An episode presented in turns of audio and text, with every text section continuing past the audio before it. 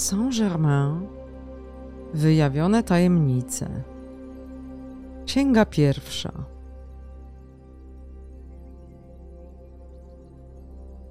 Ta książka opisuje spotkanie głównego bohatera z w niebo wstąpionym mistrzem Saint-Germain, który włada mocami umożliwiającymi mu bezpośredni, natychmiastowy wpływ na matrycę rzeczywistości. Główny bohater opisuje serię podróży w czasie i przestrzeni do zaginionych cywilizacji, jak i do ustroni Wielkiego Białego Braterstwa, rozmieszczonych w wielu miejscach na całym świecie. Podczas tych podróży Saint-Germain ukazuje głównemu bohaterowi jego wcześniejsze wcielenia. Książka jest jedną z pierwszych czterech ksiąg tematycznie związanych z Saint-Germainem i jego przekazami dotyczącymi uniwersalnych zasad życia, wszechświata, miłości, mocy i mądrości.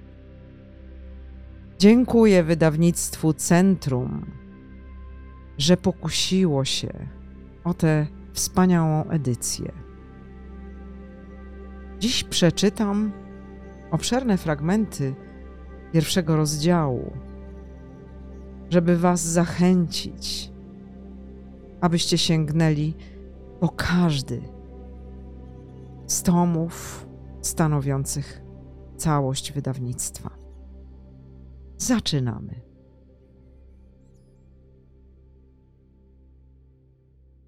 Celem oddania tej księgi w ręce publiczności jest przekazanie każdemu indywiduum zachęty i siły, która wzniesie i podtrzyma je w okresie przejściowym, w którym się teraz znajdujemy, oraz ukaże zdrowy fundament, na którym nadchodząca era jest w tej chwili budowana.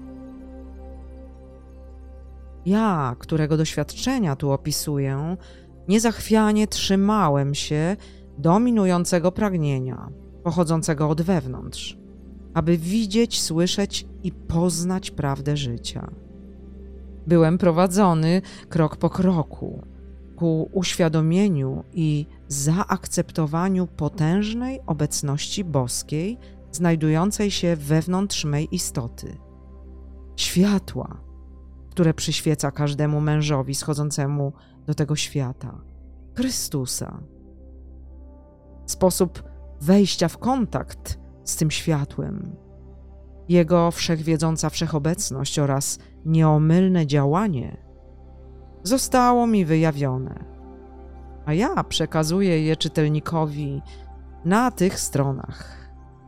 Jeżeli mój wysiłek, polegający na wysyłaniu tych ksiąg w świat, mógłby przynieść trochę miłości, światła i szczęśliwości, które otrzymałem tym na ziemi, którzy również poszukiwali światła. Byłbym wystarczająco nagrodzony. Ci, którzy zaakceptują prawdę tutaj spisaną, odnajdą nową, potężną moc wchodzącą w ich życie. Każda kopia zawiera potężną obecność, jej promieniowanie i utrzymującą siłę. Wszyscy, którzy przestudiują tę stronicę uczciwie, głęboko, szczerze i wytrwale, będą wiedzieli i nawiążą kontakt z rzeczywistością tej obecności i mocy. Tym, którzy czytają to dzieło, chcę powiedzieć, że opisane w nim doświadczenia są tak samo realne i prawdziwe, jak obecne istnienie ludzkości na Ziemi. Oraz, że wszystkie one wydarzyły się w czasie sierpnia, września i października roku 1930 na górze Shasta w Kalifornii. Godfrey Ray King Góra Shasta stała zuchwale wynosząc się w zachodnie niebo. otoczona u podstawy porostem utworzonym z sosen i jodeł, sprawiających, że wyglądała jak klejnot wykonany z diamentowo błyszczącej bieli, osadzonej w filigranowej oprawie zieleni. Jej śniegiem pokryte szczyty połyskiwały i zmieniały swój kolor z chwili na chwilę, podczas gdy cienie wydłużały się, a zachodzące słońce podążało w kierunku horyzontu. Pogłoski mówiły, że przebywała tutaj grupa ludzi, świętych ludzi, zwanych braterstwem Góry Szasta. Oraz że skupienie to od zamierzchłych, antycznych czasów trwało nierozerwalnie aż do obecnych dni. Zakochałem się w szaście i każdego ranka prawie mimowolnie oddawałem cześć duchowi góry i członkom zakonu. Długie wędrówki po szlaku stały się moim nawykiem. Gdy chciałem przemyśleć pewne rzeczy w samotności, czy poczynić decyzję dużej wagi. Tutaj, na tym wspaniałym gigancie natury, znalazłem odpoczynek, inspirację i pokój, który koił mą duszę i orzeźwiał umysł wraz z ciałem. Pewnego znamiennego poranka wyszedłem obrzasku, zdecydowany podążyć, dokąd tylko fantazja mnie zaprowadzi niejasno prosząc Boga, aby prowadził mnie na mej ścieżce. Gdy dzień dojrzewał, zrobiło się bardzo ciepło. Rozejrzałem się wokoło, a bezpośrednio przede mną stał młody mężczyzna, który na pierwszy rzut oka wyglądał na takiego samego jak ja wędrownika. Przyjrzałem mu się dokładniej i natychmiast uświadomiłem sobie, że nie był on zwykłą osobą.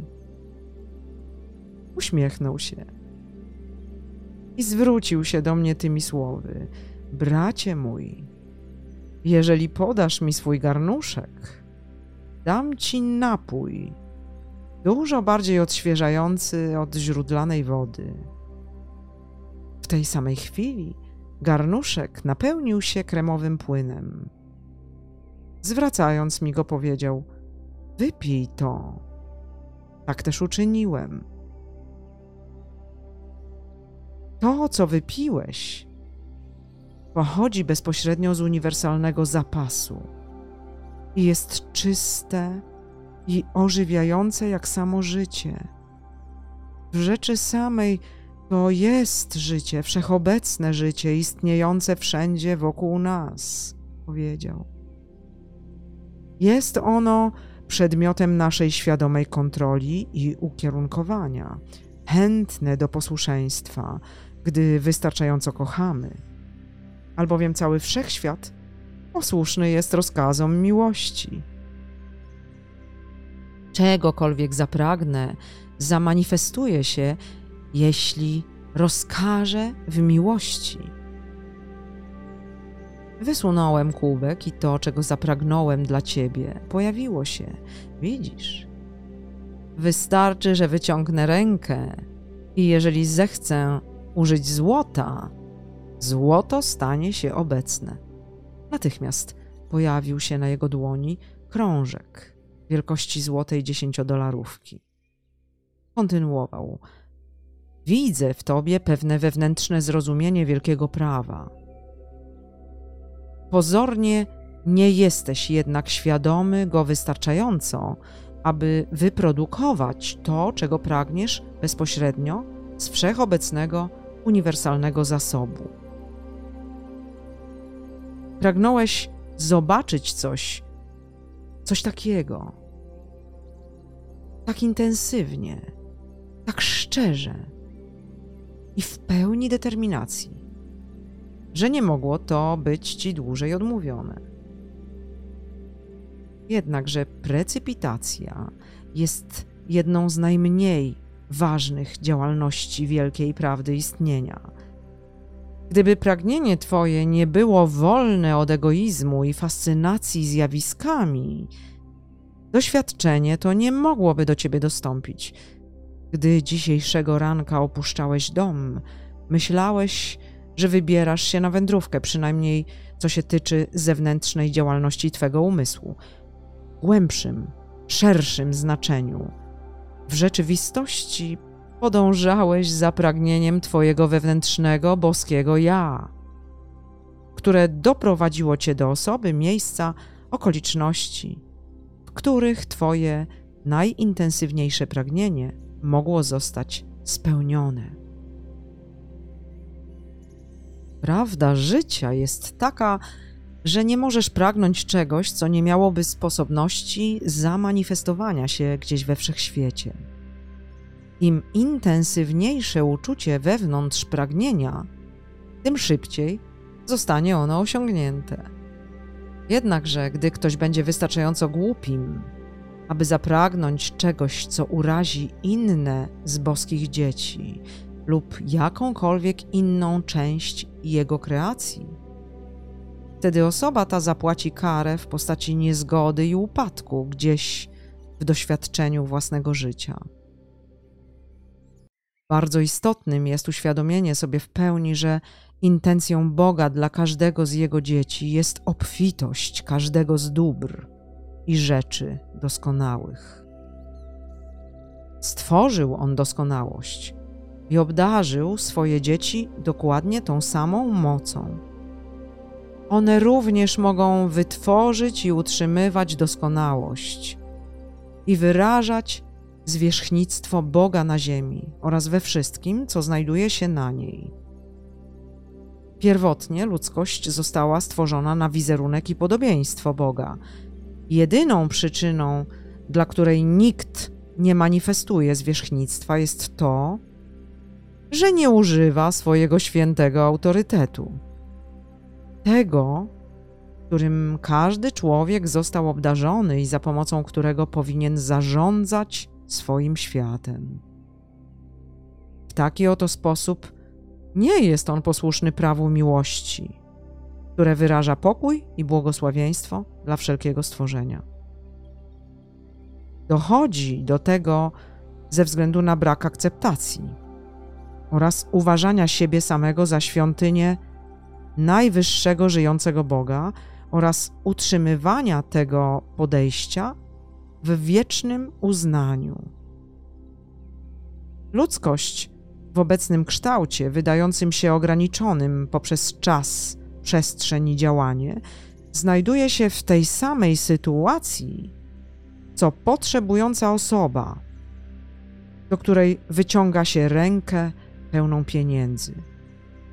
Gdyby ten w potrzebie nie zrobił kroku naprzód i nie zaakceptował pieniędzy wyciągniętych ku niemu, to w jakiż sposób mógłby z nich odnieść korzyść? Największa część ludzkości znajduje się w dokładnie takim stanie świadomości. I będzie to trwało do chwili, w której zaakceptuje ona Boga wewnątrz swojego serca, jako właściciela, darczyńcę i stworzyciela wszelkich dóbr, które kiedykolwiek zagościły w jej życiu i świecie. Osobowe ja każdego indywiduum musi uznać całkowicie i bezwarunkowo, że człowiek, czy też zewnętrzna działalność świadomości nie posiada nic swojego. Nawet energia, przy pomocy której człowiek rozpoznaje wielkiego Boga wewnątrz siebie, jest promieniowana do wewnątrz osobowego ja przez wielkie boskie ja. Umiłowanie i chwalenie wielkiego ja znajdującego się wewnątrz oraz uwaga utrzymywana w skupieniu na prawdzie, zdrowiu, wolności, pokoju, spełnieniu czy jakiejkolwiek innej rzeczy, której mógłbyś zapragnąć do prawego użytku. Wytrwale utrzymywana w Twojej świadomości, myśli i uczuciu, przyniesie je do Twego użytku i świata. Co jest tak pewne, jak pewnym jest istnienie wielkiego prawa magnetycznego przyciągania we wszechświecie. Wiecznym prawem życia jest to, o czym myślisz i co czujesz, kształtuje formę. Tam, gdzie myśl Twoja, tam i Ty, albowiem jesteś swoją świadomością. To, nad czym medytujesz, tym się stajesz. Jeżeli ktoś pozwala swojemu umysłowi trwać w myślach o nienawiści, potępieniu, żądzy, zawiści, zazdrości, krytycyzmie, lęku, wątpliwości czy podejrzeniu i pozwala temu uczuciu irytacji tworzyć we własnym wnętrzu, ten z całą pewnością będzie doświadczał niezgody, upadku i katastrof w swoim umyśle, ciele i świecie. Tak długo, jak obstaje on przy przyzwalaniu na to, aby jego uwaga była zajęta takimi myślami, bez znaczenia, czy dotyczy to nacji, osób, miejsc, warunków czy rzeczy, absorbuje on owe rzeczy do substancji swojego umysłu, swojego ciała i swoich spraw. W rzeczy samej przyciąga je on, wmusza do swojego doświadczenia. Wszelkie działalności owego dysonansu dosięgają człowieka i jego świata poprzez myśl i uczucia. Uczucie często rozbłyska, zanim zdajemy sobie sprawę z myśli w zewnętrznej świadomości, której moglibyśmy użyć, aby je kontrolować. Ten rodzaj doświadczenia powinien nauczyć nas, jak wielka energia znajduje się w wielu naszych kreacjach i że uległa ona akumulacji poprzez nawyk. Działalność uczuciowa życia jest punktem ludzkiej świadomości, do którego podchodzi się najbardziej nieopatrznie. Jest to kumulująca się energia, poprzez którą myśli zostają wyniesione do poziomu substancji atomowej i w taki oto sposób stają się rzeczami. Powiadam ci, potrzeba rozwagi w uczuciach musi być jak najwyraźniej i jak najczęściej podkreślana albowiem kontrola emocji odgrywa najważniejszą rolę we wszystkim w życiu, co tyczy się utrzymywania równowagi w umyśle, zdrowiu i ciele, w sukcesach i osiągnięciach, w sprawach i świecie osobowego ja każdego człowieka. Myśli nigdy nie stają się rzeczami, dopóki nie zostaną ubrane w uczucie. Duch Święty jest uczuciową stroną życia, Boga, aktywności świętej miłości, czy też Matki wyrazu boskości. Oto dlaczego o grzechu przeciwko Duchowi Świętemu mówi się jako o tym, który przynosi tak wiele cierpienia, ponieważ wszelki dysonans w uczuciach łamie prawo miłości, które w istocie jest prawem równowagi, harmonii i doskonałości. Największą zbrodnią wszechświata przeciwko prawu miłości jest nieustanne emitowanie przez ludzkość wszelkiego rodzaju irytującego i destruktywnego uczucia.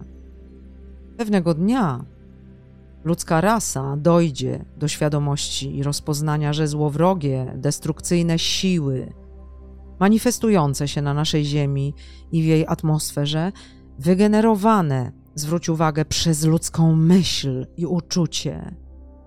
Tylko dlatego miały dostęp do spraw jednostek i nacji, gdyż brak jest kontroli emocji w codziennym, osobistym doświadczeniu każdego człowieka.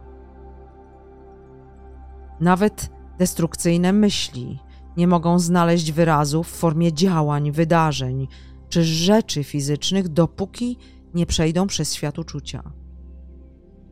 Albowiem to w tej fazie manifestacji odbywa się akcja łączenia fizycznego atomu z myślokształtem. tak jak odgłos nagłej eksplozji, jest szokiem dla systemu nerwowego tego, który ją słyszy, wywołując uczucie drżenia w strukturze komórkowej jego ciała, tak błyski rozdrażnionego uczucia wywołują szok, niepokoją i dezorganizują subtelną substancję w strukturze atomowej umysłu, ciała i świata osoby, która je wysyła. Świadomie bądź nieświadomie, celowo lub nie. Nieharmonijne emocje są producentem stanu zwanego dezintegracją, starości, utraty pamięci oraz każdego innego upadku w świecie ludzkiego doświadczenia. Efekt wywierany na strukturę ciała jest taki sam jak ten, z jakim mielibyśmy do czynienia przy budynku, na którego zaprawę, przytrzymującą cegły, oddziaływałyby powtarzające się uderzenia, które z każdym dniem by się nasilały. Te nieustanne uderzenia rozbiłyby cząsteczki tworzące zaprawę. Budynek zawaliłby się, tworząc bezładną masę. Forma przestałaby istnieć. Oto, co ludzkość nieustannie czyni atomowej strukturze ludzkiego ciała. Nadanie wyrazu nieharmonijnym myślom i uczuciom wewnątrz siebie jest torem najmniejszego oporu i nawykowego działania nierozwiniętej, niezdyscyplinowanej i samowolnej jednostki, która odmawia rozumienia prawa swojej własnej istoty i oddania swego osobowego ja, które jest niczym innym jak instrumentem wyrazu, w posłuszeństwo temu prawu. Ten, który nie może lub nie kontroluje swoich myśli i emocji, znajduje się na niedobrej drodze, albowiem każde drzwi jego świadomości są szeroko otwarte dla dezintegrujących działań wyrzucanych przez umysły i emocje innych osobowości. Nie potrzeba ani siły, ani mądrości, ani wprawy, aby pozwolić na wtargnięcie nieżyczliwych, destrukcyjnych impulsów. A ci z dorosłych ludzi, którzy tak robią, są zaledwie dziećmi w rozwoju własnej samokontroli. To katastrofa w życiu ludzkości, że tak niewiele kontroli emocji ludzie uczą się od kołyski do grobu. Uwaga zwrócona na ten konkretny punkt jest dziś największą potrzebą zachodniego świata. Łatwo jest otworzyć drogę nieharmonijnym myślom, emocjom i działaniom, ponieważ ludzkość masowo zanurzona jest w otoczeniu i związkach utworzonych wyłącznie przez nią samą. Indywiduum poprzez kontrolę swej zewnętrznej świadomości musi dokonać wysiłku wyniesienia się ponad ten stan, używając wolnej woli, w celu transcendencji tych ograniczeń na stałe.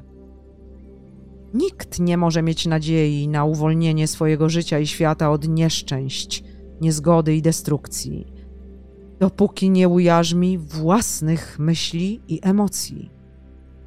Taki oto sposób jednostka nie pozwala na to, aby życie płynące przez jej umysł i ciało zostało uwarunkowane dysharmonią, pochodzącą z każdego drobnego, niepokojącego wydarzenia zaistniałego w jej świecie. Początkowo taka dyscyplina wymaga zdeterminowanego nieustającego wysiłku.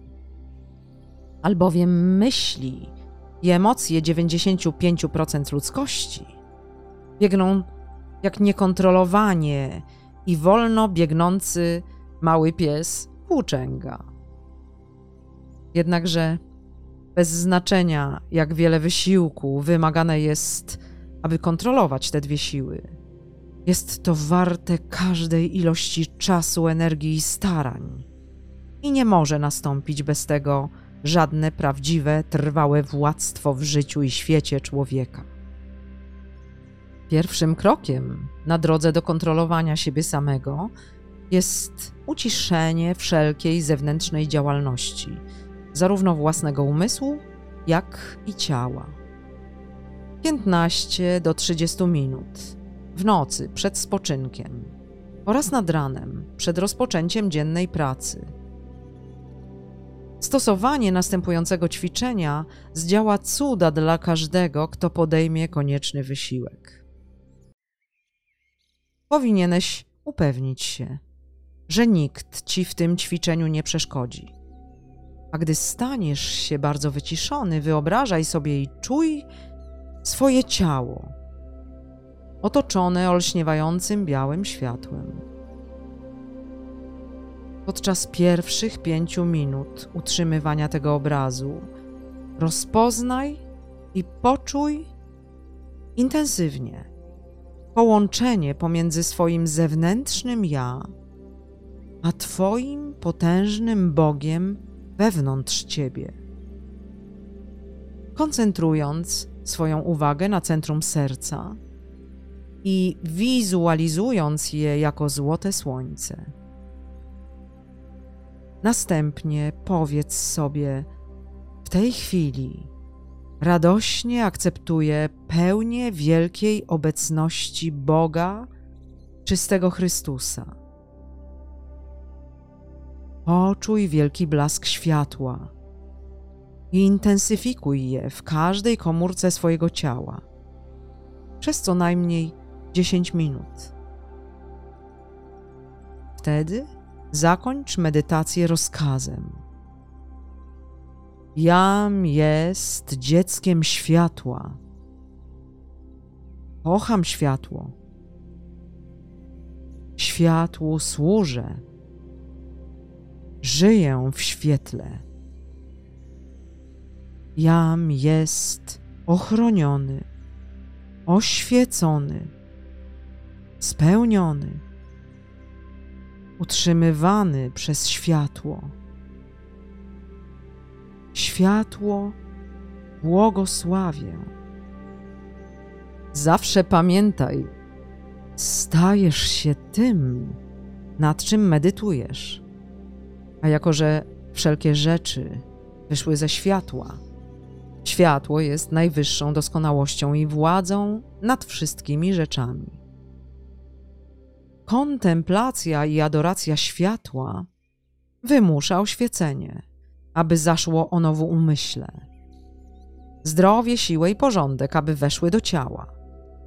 Oraz pokój, harmonię i sukces, aby zamanifestowały się w sprawach każdego człowieka, który to rzeczywiście wykona i będzie usiłował to utrzymywać.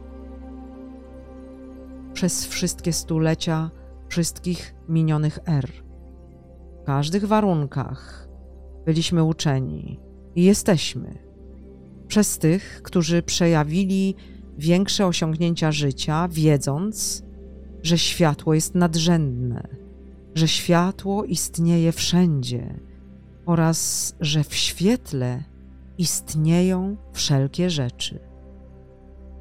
Prawda ta jest dziś tak samo prawdziwa jak miliony lat temu od zamierzchłych czasów, gdy tylko pojawiła się jakakolwiek notatka o ludzkości. Mądrzy i wielcy wszystkich epok portretowani byli spromieniowaniem światła, które emanowało z ich głów i ciał. Światło to jest realne, tak samo realne jak światło elektryczne w waszych domach. Niezbyt odległy jest dzień, którym zostaną skonstruowane maszyny, które ukażą fizycznemu wzrokowi emanację światła pochodzącą od człowieka każdemu, kto zechce ją obserwować. Maszyna taka będzie również ukazywała zanieczyszczenie czy przebarwienie, które ukazywać się będzie w formie chmury wokół światła Boga, którą osobowe ja generuje na drodze nieharmonijnych myśli i emocji. To i tylko to jest przyczyną, dla której energia wielkiego strumienia życia zostaje sprzeniewierzona i niewłaściwie uwarunkowana.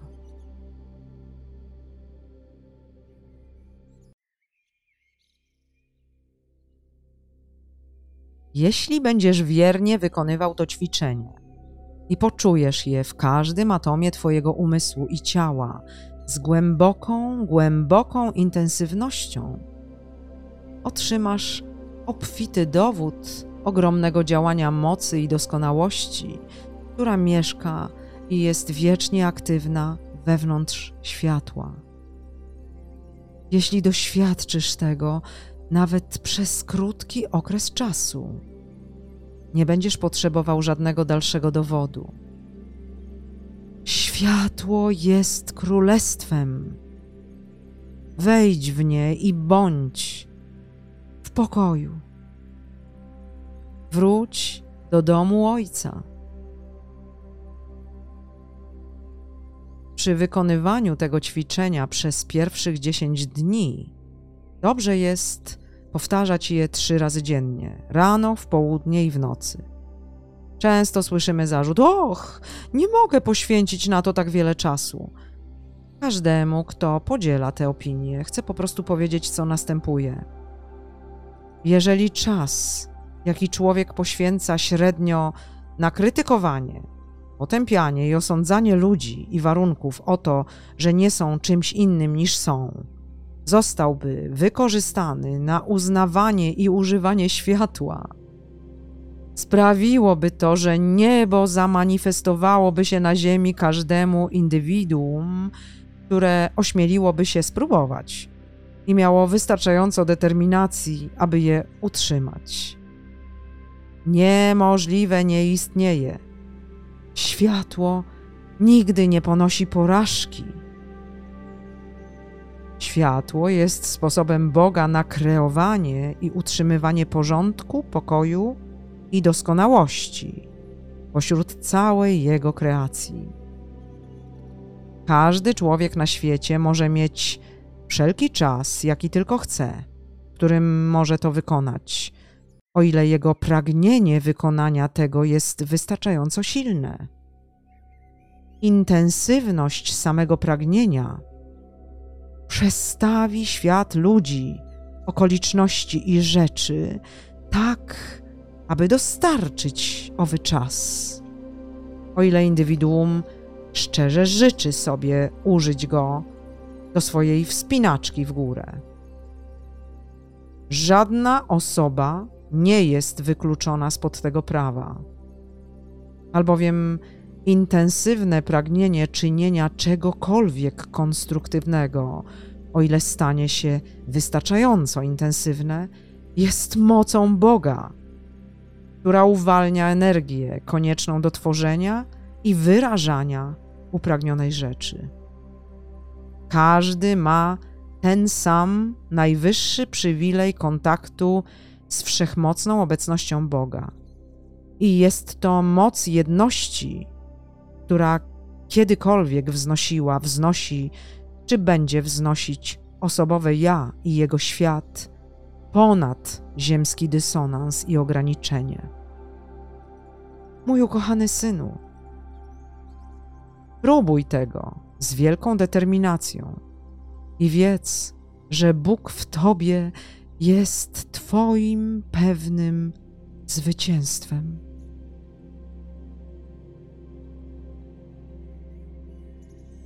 Znałem Cię od eonów poprzez podnoszenie swojej myśli, dzięki Twojemu własnemu wysiłkowi. Teraz stało się możliwe moje przyjście do Ciebie. Czyż nie widzisz, czym jest prawdziwe mistrzostwo? My, znajdujący się w stanie w niebo wstąpionym, mamy możliwość kształtowania atomowej struktury naszego świata, tak jak garncarz kształtuje swą glinę. Każdy elektron i atom we wszechświecie posłuszny jest naszemu pragnieniu i rozkazowi z przyczyny boskiej mocy, za sprawą której je kształtujemy i co do których wysłużyliśmy sobie prawo bycia ich zarządcami. Ludzkość w stanie nieoświeconym zachwyca się tymi rzeczami. Zapewniam cię jednak, że nie jest dla nas większym wysiłkiem zmienić wygląd i działanie naszych ciał, niż dla zwykłej istoty ludzkiej jest zmienić swoje ubranie. Niefortunnym stanem ludzkiej świadomości, który utrzymuje ludzi przy ich samowytworzonych ograniczeniach, jest postawa umysłu polegająca na lękaniu się bądź ośmieszaniu tego, czego on nie rozumie. Lub, co jeszcze gorsze, powiadania w ignorancji. To nie jest możliwe. Dana rzecz może nie być możliwa przy pewnych ludzkich uwarunkowaniach. Lecz boskie ja, które jest wielkim światłem, może zmienić wszelkie ludzkie okoliczności, a zatem nie ma nic niemożliwego. Każdy człowiek posiada święty płomień życia wewnątrz siebie. I to jego boskie ja ma władztwo, gdziekolwiek by nie był we wszechświecie. Jeżeli kierowany własną mentalną bezwładnością, nie zastosuje on koniecznego wysiłku, aby zreorganizować swoje zamierzchłe nawyki umysłu i ciała, będzie zakuty w łańcuchy swojego własnego fałszerstwa. Jeśli jednakże wybierze świadomość Boga wewnątrz siebie samego i ośmieli się dać temu boskiemu ja pełną władzę nad swoimi zewnętrznymi działaniami, na nowo otrzyma wiedzę swojego władztwa nad wszelką substancją, które to było jego udziałem od samego początku. Nadszedł czas, kiedy to wielu spośród ludzi wartko budzi się i w jakiś sposób trzeba uświadomić im, że żyli ciągle i ciągle w trakcie setek, a czasem tysięcy żyć, za każdym razem w nowym ciele fizycznym.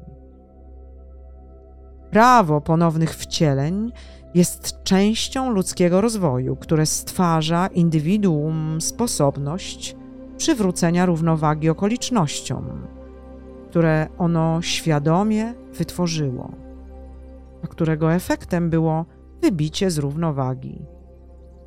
To tylko jedno z działań prawa kompensacji, przyczyny i skutku, lub co można by nazwać procesem automatycznego przywracania równowagi, prawa, które zarządza wszelkimi siłami we wszechświecie. Prawidłowe zrozumienie tego prawa daje człowiekowi wyjaśnienie wielu okoliczności jego doświadczenia, które inaczej wydają się być całkowicie niesprawiedliwe. Jest to jedyne logiczne wyjaśnienie nieskończonej złożoności i doświadczeń ludzkiej kreacji oraz wyjawienie działania prawa, na którym opiera się wszelkie przejawienie. Powoduje ono u danej osoby zrozumienie, że nie istnieje taka rzecz jak traf czy przypadek. Wszystko znajduje się pod bezpośrednim, ścisłym działaniem doskonałego prawa.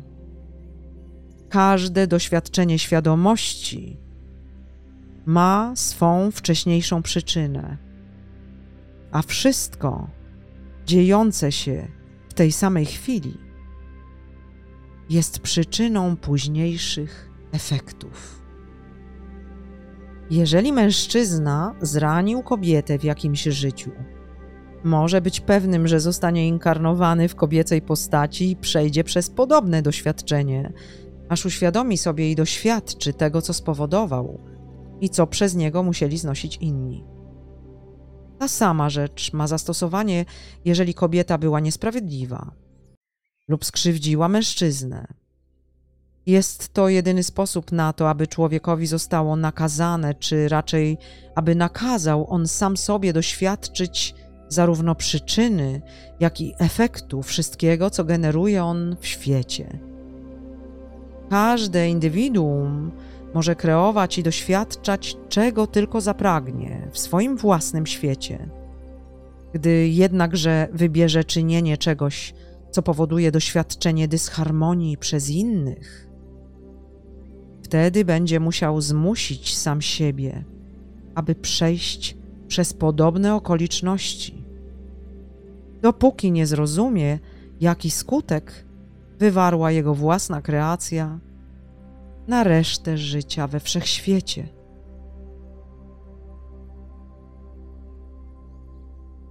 Zewnętrzne życie utrzymuje ludzi przykutych do koła potrzeby, ponownych narodzin, ciągłej walki i bólu. Dopóty, dopóki nie pozwolą oni światłu Chrystusa wewnątrz rozświetlić i oczyścić ich, tak abyśmy mogli zareagować jedynie na plan Boga, miłości, pokoju i doskonałości Jego kreacji. Jest to rodzaj nauki, której się nie zapomina, ponieważ obiektywna nauka zapisuje doświadczenie zarówno w wizji, jak i w umyśle. Zapis w widzeniu jest głębszy i z konieczności spotyka się z większą uwagą ze strony zewnętrznego działania intelektu.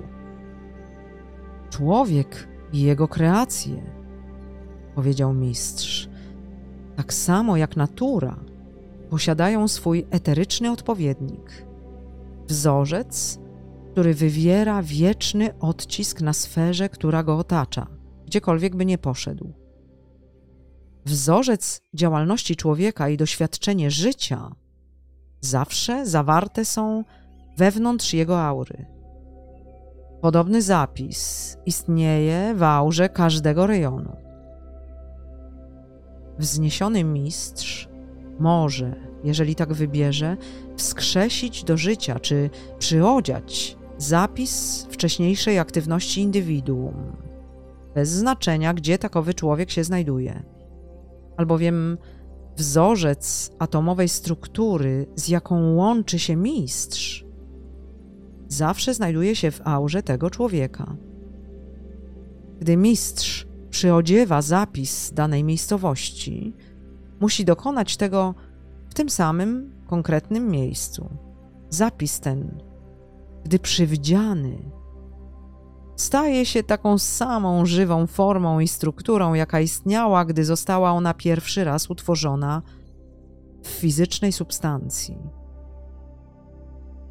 W taki sposób możliwym jest ponownie łączyć się z fizyczną strukturą całych budynków i ich okolic, o ile w niebo wstąpiony mistrz zapragnie tego dla osiągnięcia jakiegoś zacnego celu. Gdy osiągnie się takie przez Boga dane władztwo, można ponownie przywdziewać i reanimować wszelkie eteryczne zapisy wedle pragnienia, w celu uczynienia ich widocznymi dla dobra nauki i studentów oraz innych ludzi. Gdy to uczyni, to będzie to tak samo realne jak rzeczywistość, a unaocznione obiekty będą mogły być fotografowane, przekładane i fizycznie namacalne dla zmysłów osoby je obserwującej. Istnieje jeden sposób, tylko jeden sposób, kontynuował mistrz aby uniknąć kosmicznego koła przyczyny i skutku, konieczności ponownych wcieleń. I dokonuje się tego poprzez świadomy wysiłek zrozumienia prawa życia. Trzeba szczerze poszukiwać Boga wewnątrz siebie, nawiązywać ciągły, świadomy kontakt ze swoim wewnętrznym ja i trzymać się go usilnie w obliczu wszelkich okoliczności zewnętrznego życia. Konstruktywne pragnienie jest rozszerzającą się aktywnością życia. Gdyż tylko w ten sposób coraz to większe idee, działalności i osiągnięcia przepychane są do stanu ekspresji w zewnętrznym świecie substancji i formy. W każdym prawym pragnieniu leży siła jego realizacji. Człowiek jest synem Boga Ojciec nakazuje mu dokonywanie wyboru co do tego, jak ma kierować energią życia i jakich właściwości sobie życzy, aby wyrażały one jego spełnione pragnienie. Musi tego dokonać, gdyż wolna wola jest prawem jego pierworództwa. Funkcją zewnętrznej aktywności intelektu jest kierowanie wszelkiej ekspansji do konstruktywnych kanałów. Jest to celem i obowiązkiem zewnętrznego ja. Pozwalanie na to, aby wielkie życie czy energia Boga była używana wyłącznie w celu zaspokajania pragnień zmysłów, to jest nawykiem większej masy ludzkości, prowadzi do użytku destruktywnego, którego następstwem zawsze, bez żadnego wyjątku, jest brak harmonii, słabość, upadek i destrukcja. Konstruktywne użycie pragnienia polega na świadomym kierowaniu nieograniczoną energią Boga za pomocą mądrości. Wszelkie pragnienie kierowane przez mądrość nosi w sobie jakiś rodzaj błogosławieństwa dla reszty stworzenia. Wszelkie pragnienie prowadzone przez Boga wewnątrz wypływa w uczuciu miłości i zawsze błogosławi. Gdy kontemplowałem nad błogosławieństwem, które mnie spotkało, usłyszałem trzaśnięcie gałązki i odwróciłem się w nadziei ponownego ujrzenia mistrza. Wyobraź sobie moje zaskoczenie, gdy w odległości około 15 metrów dostrzegłem powoli zbliżającą się panterę. Zdawało mi się, że wszystkie włosy stanęły mi właśnie dęba. Chciałem uciekać, krzyczeć, zrobić cokolwiek. Tak szalone było we mnie uczucie lęku. Nie było sensu się ruszać, gdyż pantera mogłaby mnie dopaść jednym skokiem. Cały mój umysł wirował. Tak wielki był mój lęk. Jednakże jedna myśl wyraźnie przychodziła do mnie i stale przykuwała moją uwagę. Uświadomiłem sobie, że mam we własnym wnętrzu wielką obecność Boga oraz że ta obecność jest wszelką miłością. To piękne zwierzę też było częścią życia Boga. I odważyłem się spojrzeć mu prosto w oczy. Potem przyszła do mnie myśl, że jedna część Boga nie mogłaby skrzywdzić innej części. Moja świadomość skupiła się jedynie na tym fakcie. Owładnęło mną poczucie miłości i wyszedł ze mnie promień światła bezpośrednio do pantery, a wraz z nim odszedł mój lęk.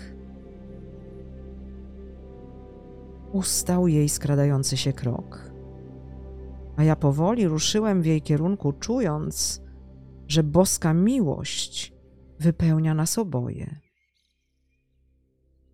Dzikie spojrzenie w oczach pantery złagodniało. Zwierzę wyprostowało się i powoli podeszło do mnie, pocierając swym ramieniem o moją nogę. Wyciągnąłem rękę i pogłaskałem miękką głowę. Przez moment, przez chwilę, pantera patrzyła mi w oczy po czym położyła się i przekręciła na plecy, jak bawiące się kociątko. Miała piękną, ciemną, czerwono-brązową sierść, a ciało długie, giętkie i o wielkiej sile.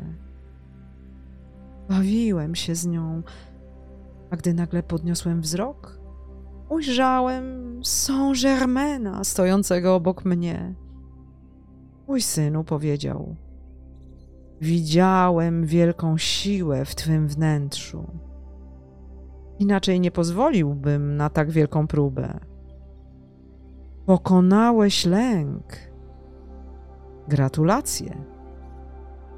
Gdybyś nie pokonał swego zewnętrznego ja, nie pozwoliłbym panterze, aby cię skrzywdziła.